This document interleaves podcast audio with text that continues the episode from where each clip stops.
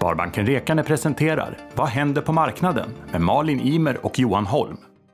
Hej och välkommen till Sparbanken Rekanes Vad händer på marknaden? Som vanligt är det jag, Malin Imer, och du, Johan Holm, Ja, som är här. Yes. Det har gått några veckor sedan vi såg sist och jag tänkte börja med som vanligt att fråga vad har hänt på de finansiella marknaderna och i makrovärlden sen sist vi sågs? Eh, Och jag svarar ju lite som vanligt då. Det har hänt väldigt mycket kan man väl säga. Men, men det som är intressant är ju att förra gången vi stod här och, och då hade vi precis haft ett amerikanskt presidentval och det var lite oklart vem som skulle vinna och så vidare. Nu vet vi med nästan eh, 100% sannolikhet att Biden blir den nya presidenten.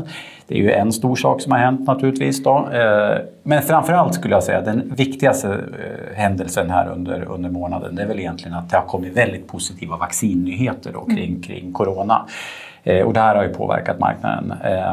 Och dessutom så har vi fått signaler från centralbankerna att de kommer fortsätta med sina stimulanser. Så att egentligen kan man säga tre positiva saker då.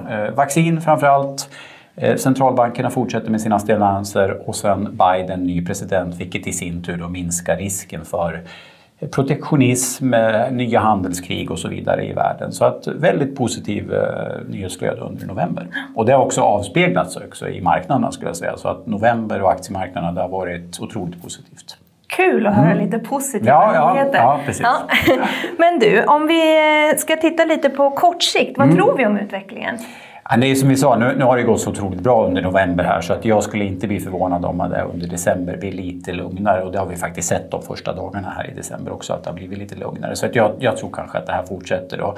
Men där är det väl också viktigt att tänka att när man pratar framförallt aktiemarknaden att kortsiktighet är ju kanske inte det vi rekommenderar så utan, utan man ska kanske lyfta blicken och titta lite längre vad händer 2021 och så vidare och då förutsättningarna är ju mycket mer eh, positiva och goda nu jämfört med bara för några månader sedan egentligen. Då.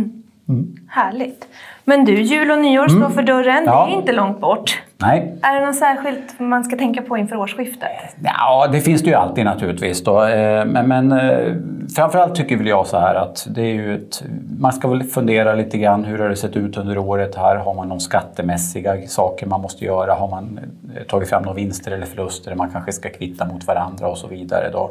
Det är väl sådana klassiska saker. Då. Men, men det som jag tycker att man kanske ska passa på nu här det är ju att se över sitt sparande generellt. Eh, ligger man till rätt riskmässigt och så vidare? Ska man, har man ett månadssparande till exempel som vi rekommenderar då, man kanske ska se över sitt sparande. Har man lite annan ekonomi nu, man kanske har fått löneförhöjning eller sånt, då kanske man ska passa på att öka sitt månadssparande. Så att lite generellt fundera på, på, på sitt sparande tycker jag egentligen. Då. Och varför inte höja månadssparande? Det är väl en, en sån här klassisk, man, man äh, ångrar aldrig att man har sparat för mycket egentligen. Så kan man väl säga, det brukar bara vara tvärtom. Ja, jag har aldrig hört det första. Nej. Nej. Då så, det var det för den här gången. Det var det för den här gången. Ja, vi ses. Tack! Tack. Vad händer på marknaden presenteras av Sparbanken Rekarne, en lokal bank i Eskilstuna och Strängnäs kommuner.